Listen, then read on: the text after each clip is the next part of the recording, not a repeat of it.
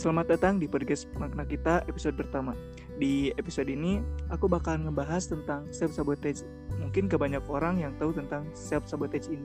Tentunya, aku gak sendirian nih. Di sini aku ngajak kating aku di kampus dan kebetulan kita sejurusan. Yuk, kenalan yuk. Halo, aku Via. Um, sebelumnya aku mau ucapin makasih nih uh, udah diajak ngobrol di podcast ini. Makasih ya. Iya, sama-sama. Formal banget ya, Bu.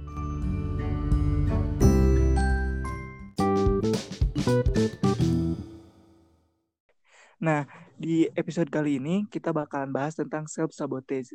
Karena menurutku orang-orang belum tahu gitu tentang si self sabotage ini, padahal mereka tuh sering melakukan hal ini gitu.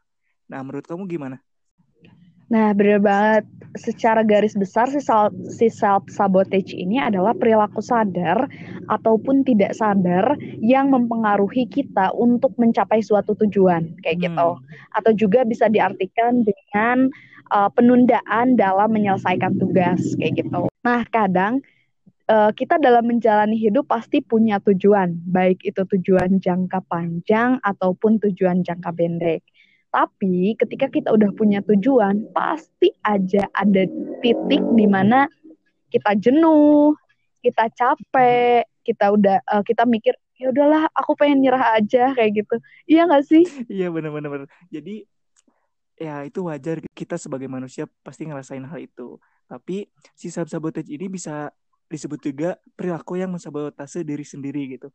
Dalam artian kita menciptakan masalah-masalah dan masalah itu mengganggu tujuan jangka panjang kita dan masalah itu diciptakan oleh diri kita hmm, sendiri itu nah sekarang kita udah tahu nih si sabotage ini sebenarnya uh, musuh terbesar dalam hidup tuh kan diri sendiri ya nah. kayak gitu Nah, kan kita buka-bukaan tentang dosa-dosa kita yang dulu pernah mungkin melakukan self-sabotage. Gimana? Boleh, boleh, boleh, boleh. Berarti orang-orang belajar dari dosa kita, gitu maksudnya. dan tidak melakukan hal seperti oh, itu lagi. Iya betul betul betul. Nah, dimulai dari kamu deh. Kamu pernah ngalamin self sabotage ini gak? Nah, aku pernah ya ngalamin si self sabotage ini bahkan uh, ketika aku kuliah gitu. Nah, tapi aku pengen uh, bongkar dosa aku pas SMA gitu ya. Nah, aku kan dulu pas SMA kelas 12 tuh aku udah punya tujuan nih, aku pengen masuk univ mana, terus uh, jurusannya apa kayak yeah, gitu. Yeah. Nah, tapi aku melakukan si self sabotage ini. Kan yang harusnya aku tuh uh, belajar terus apa ya berdoa untuk apa ya kelulusan buat ujian kayak gitu. Hmm. malah aku main sama teman-teman terus aku malah rebahan.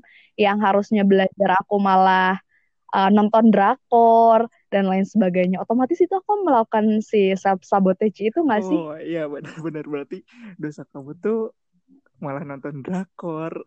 Tahu aku punya tujuan aku pengen masuk univ mana jurusannya apa dan aku udah tahu pang passing grade-nya gitu loh. Otomatis kan aku tuh harus belajar ya, kan. ini aku malah kayak main tiap hari rebahan nonton saja kayak gitu.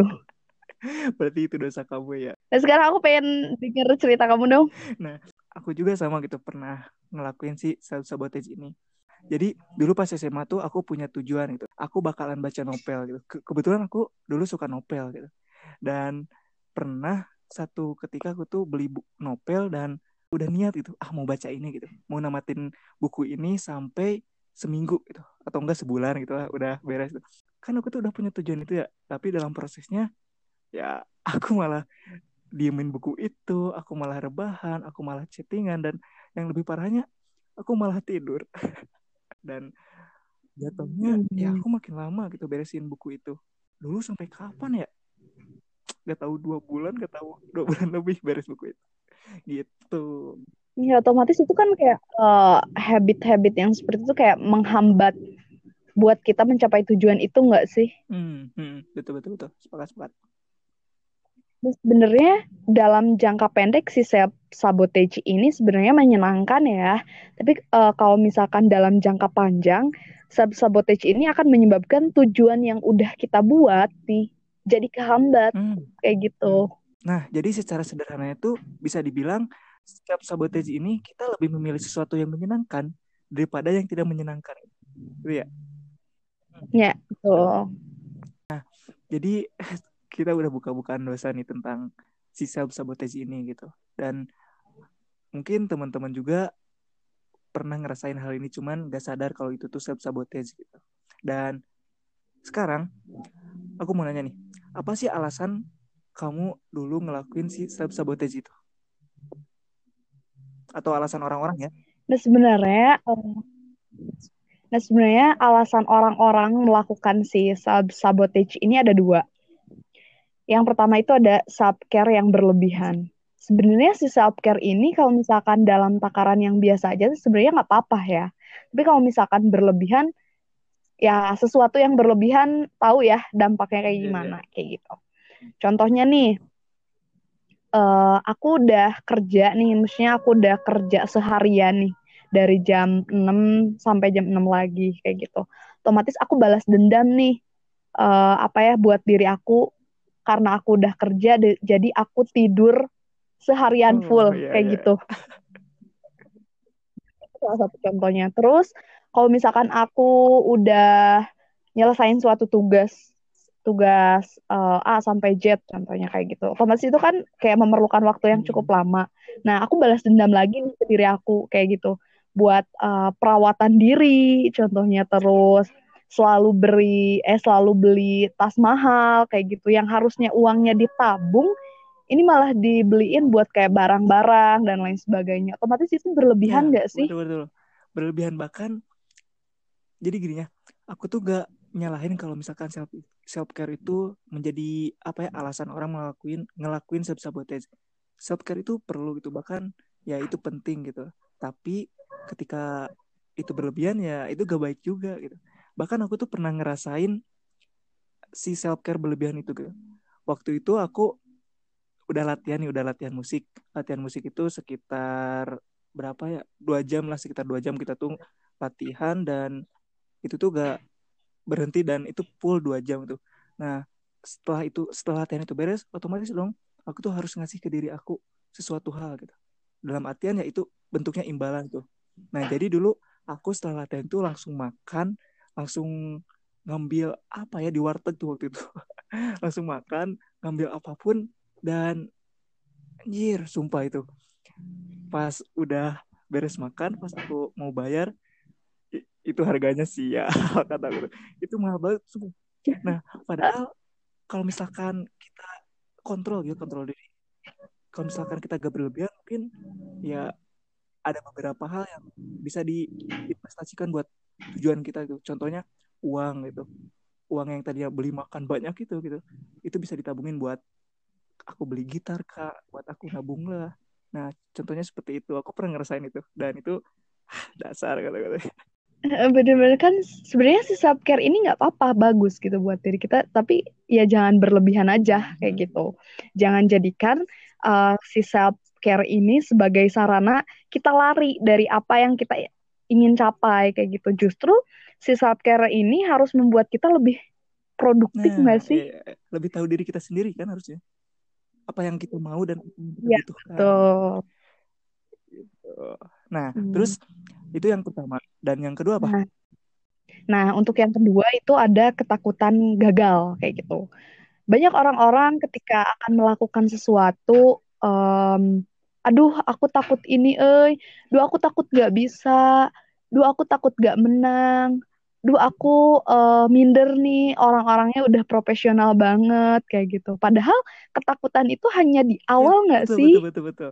Kalau misalkan ketakutan ketakutan itu kayak masih nah, abstrak nah, gitu Kalau loh. misalkan misalkan kita nih ikutin apa kata ketakutan kita, ya kita gak bakalan tahu jawaban itu apa gitu. Iya gak sih?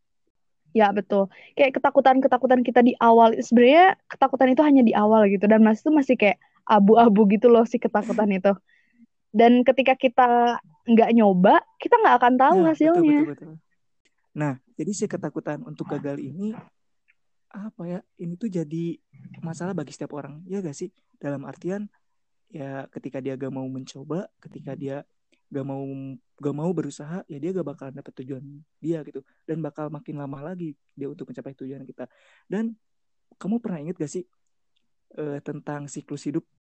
Nah, iya betul banget siklus hidup. Itu aku inget banget. Karena setiap fase dalam kehidupan kita pasti uh, apa namanya mengalami perubahan ya, perubahan.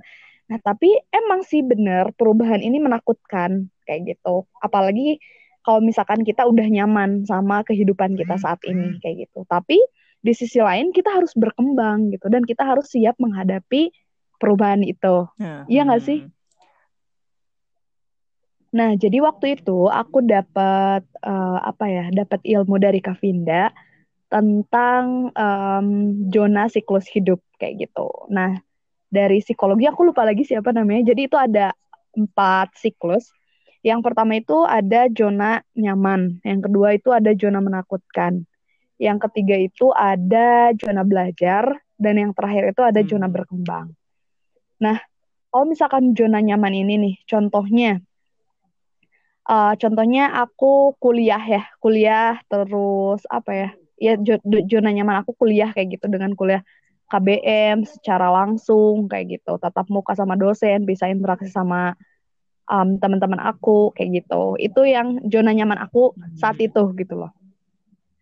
Nah dengan uh, adanya virus ini otomatis kita harus melakukan pembelajaran online gitu ya. Nah sebelum itu pasti ada ketakutan-ketakutan. Duh gimana ya nanti kalau misalkan ngirim tugas takut gak kekirim. Duh gimana ya kalau misalkan nanti jaringannya jelek duh gimana ya aku eh, nggak uh, ada kuota dan lain sebagainya pasti banyak ketakutan-ketakutan um, ketika kita akan apa ya challenge diri kita buat gak selalu ada di zona hmm. nyaman kayak yeah, iya, gitu. Yeah. Nah, ketika kita udah melewati si zona menakutkan itu, maka kita akan belajar. Oh, ternyata uh, setelah aku melewati zona menakutkan ini, ternyata aku jadi belajar nih. Belajar dalam artian, oh aku jadi uh, tahu nih aplikasi apa aja yang bisa digunain ketika uh, pembelajaran online, kayak Zoom, Google Meet, dan lain sebagainya. Ketika kita sudah melewati zona ketiga, zona belajar itu, maka kita akan melewati zona keempat, yaitu zona berkembang, kayak gitu. Yang mana zona berkembang ini ketika kita sudah belajar, kita akan berkembang dalam artian oh nanti kalau misalkan kita udah melakukan uh, perkuliahan seperti biasa lagi face to face uh, secara langsung ketika dosen nanti nggak ada ya nggak perlu libet lagi gitu paling kita melakukan pembelajaran lewat online kayak gitu dan emang bener siklus hidup tuh emang terus bakal kayak gitu ketika kita udah nyaman nih di zona itu kita bakal berada lagi di zona menakutkan, zona belajar lagi, zona berkembang, nyaman, zona menakutkan lagi, belajar lagi, berkembang lagi. Terus siklusnya kayak gitu. Yeah. Hmm. Dan apa ya?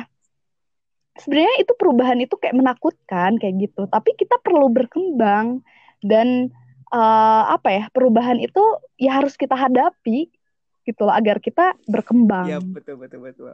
Aku mau nambahin dikit nih ketika tadi kamu bilang siklus hidup itu ya bakalan seperti tadi gitu dan ternyata emang benar ketika kita udah berada di zona berkembang nah misalkan nih kita tuh udah berada di zona berkembang. Dan kita tuh sekarang lagi apa ya istilahnya lagi maraknya Zoom terus lagi maraknya Google Meet dengan online gitu loh. Nah kita tuh akan masuk ke dalam zona nyaman dan, dari sana kita bakal masuk lagi ke zona ketakutan yaitu wih ternyata pakai Zoom pakai kuota dong dan kuota itu boros tuh. Dan itu jadi ketakutan kita juga gak sih?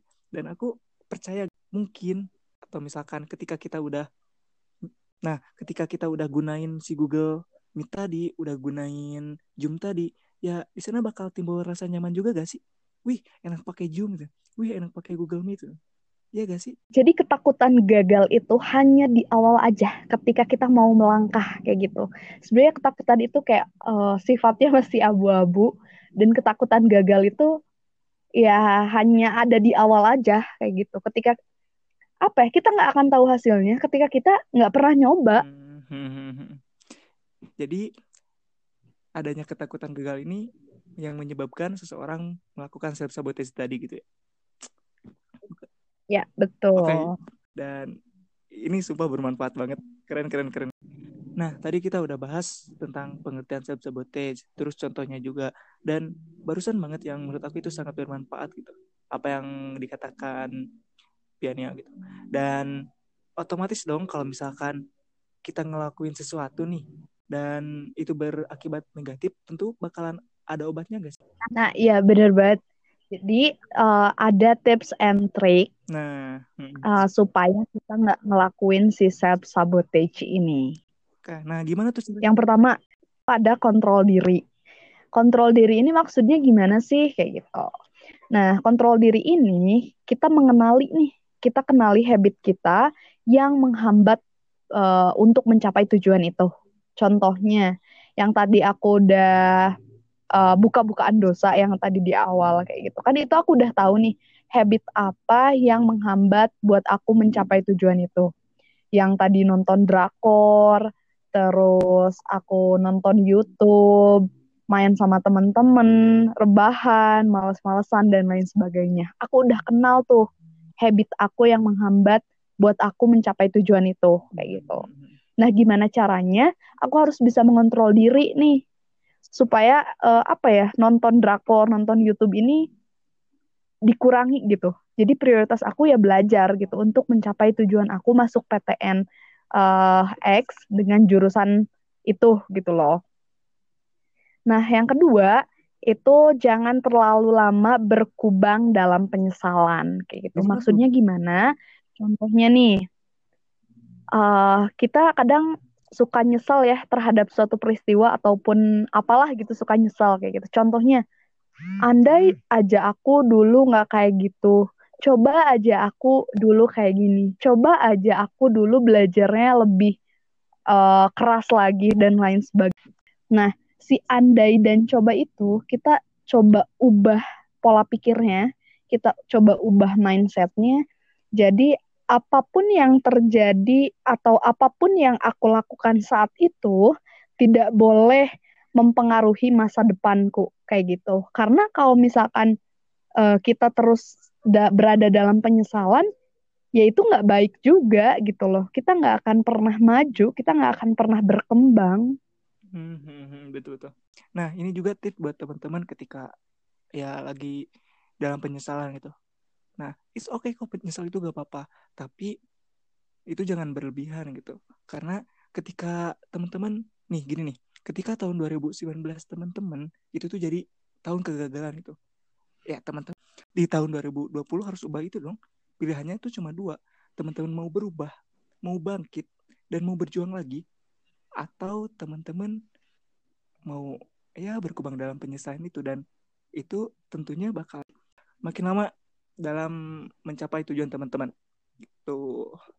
Nah sebenarnya penyesalan ini nggak apa-apa ya kalau misalkan nggak berlebihan. Justru dengan adanya penyesalan kita belajar kayak gitu. Contohnya ketika kita punya tujuan tapi ternyata kita gagal kayak gitu, kita kan pasti nyesel ya. Banyak tadi yang kayak uh, kamu bilang contohnya, andai aja aku dulu belajarnya lebih keras, coba aja dulu kalau misalkan aku belajarnya lebih ikhlas dan lain sebagainya kayak gitu.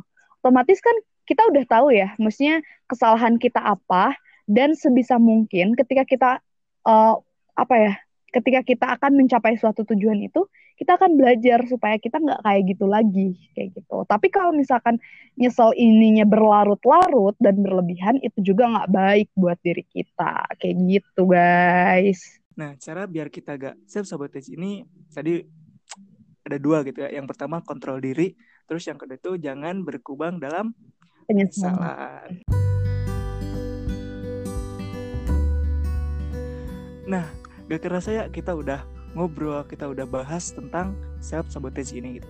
Dan harapannya buat teman-teman yang dengerin ini gitu, kita sama-sama belajar dalam hal self sabotage ini gitu. Karena kita perlu tahu menurut aku dan khususnya buat Piania, aku mau ucapin terima kasih banyak nih udah mau sharing, udah mau hmm, apa ya, udah mau ngobrol juga tentang dosa-dosanya dulu. Dan udah mau ngisi di podcast pertama aku. Nah, terakhir-terakhir nih, uh, closing statement buat pendengar makna kita. Oke. Okay. Dalam hidup pasti kita selalu menghadapi perubahan. Perubahan memang menakutkan. Terlebih kita sudah nyaman dalam kehidupan kita saat ini. Namun kita perlu berkembang dan kita harus menghadapi perubahan itu. Terima kasih, saya Viania, pamit undur diri. sumpah itu keren banget. Sumpah itu keren banget closing statement dan mudah-mudahan sampai ke hati pendengar makna kita juga. Ya betul. Makasih banyak ya. Sekali lagi makasih banyak. Banyak. Dan episode kali ini kita cukupkan sekian. Selamat ketemu lagi di episode episode berikutnya. Bye bye